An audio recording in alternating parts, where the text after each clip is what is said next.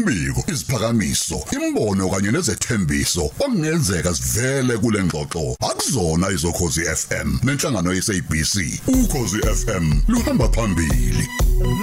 Vermiculture farming sizokhuluma nokukhanya Brahman Lady Ngubo sawubona sisi kunyaka ka2024 Ngithanda ukubingelela kakhulu ngithi happy new year kubalandeli bokho ekhaya ngithi happy new year kubasakazi bethu esibathandayo. Ukhozi luhamba phambili. Alihambe emumva lunjani? Luhamba phambili. Uhamba phambili. Ngiyazi ukuthi yize noma kwakuwo Christmas kuhonyuye kodwa hayi eh, ezolima zima. Zinapha akuphunyulwa ngoba ila sidla khona kakhulu. Eh ila senza khona izi- uyabona nje ngiyazi ukuthi kwakufana nokuthi nje uthi hayi abawukhisimuze noma bangene kunyuye kodwa mina ngibagade ngapha ukuthi uma sebelambile ngikhona. Kunjalo impela kunjalo impela. Sibuyile siyaphambili. Asihleki si- asihleshi sibuyile siyaphambili ziyakhala ke ziyakhala. Siyabonga kakhulu kukhozi FM ukusipha ithuba e- elikhulu kangaka alivamisile baningi bafundile abanye sebengitshengisa sebeqalile. Siyabonga kakhulu kukhozi FM Asiyixoxe le ndaba ye vermiculture eh omunye uzothi konje yini leyo vermiculture? Sikhuluma la ngemisundu imisundu ukufuywa kwemisundu vermiculture farming. Eh awusinikeze nje incazelo ngaleli business eh lokufuywa kwemisundu Ngibonge ithuba Mroza. Ukufuya kwemsundu eh kungazwakala njengebhizinisi eh, elishiyana nembuzo. Kodwa uma uke waqala uzobona imisebenzi emihle ngokufuya kwemsundu. Eh nayo ke imsundu ihlukene ngokwama breed o ngokwezinhlobo. Kukhona ababizwa ngo red wigglers. Le ama red wigglers iwona ke lawa ajwayele ukufuywa abafuyi beminyu- bemisundu. Eh laba bakhula babe u5 inch uma sebebade bagcina sebezidla kwabona okwenza kube lula ukuthi badedele imvu- imvundisi iorganic fertilizer. Eh bazala ngokusheshsha ke into e- enhle ngabo kodwa ke bathanda bona indawo engathi swakeme efudumele.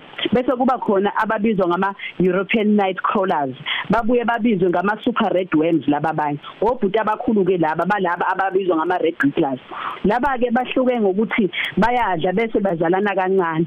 Eh futhi bona ke bayakwazi ukubekezelela indawo osuke ubabeke kuyona.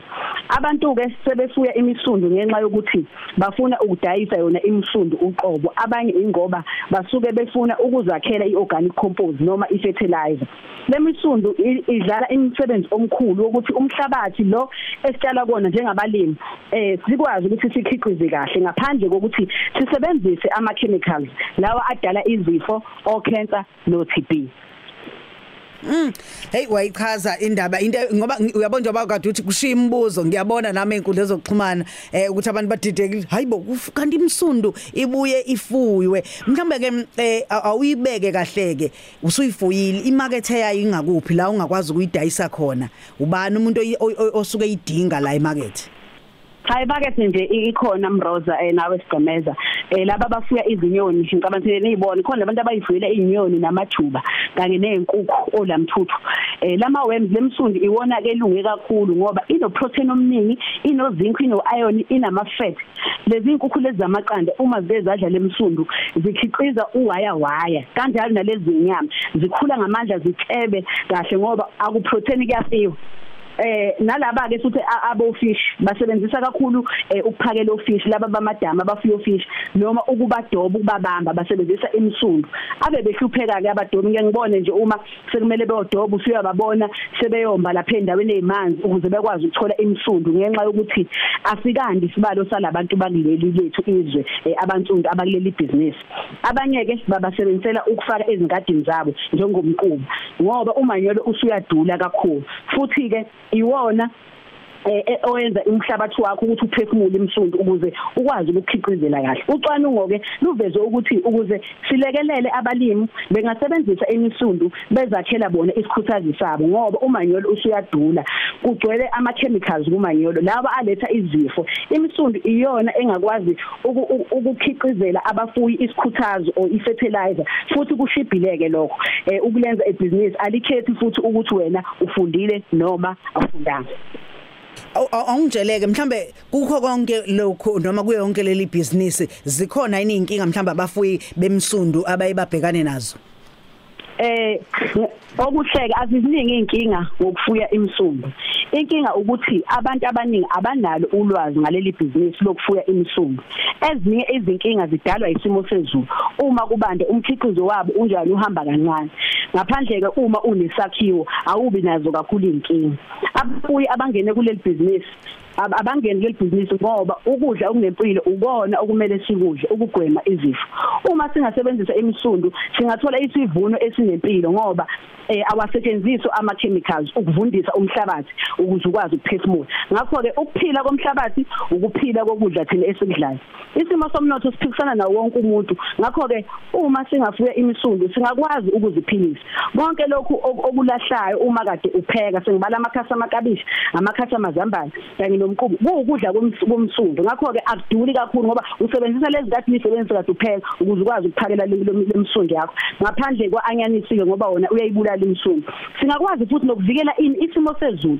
Sigwema ukusebenzisa ama chemicals ngoba iwona aletha ukushisa okudlulele uma bewenza kumele bawapheka ngithi ama chemicals bentuthu yakhona ke ibulale iozone layer evimba ilanga ukuthi thina lisishise kakhulu.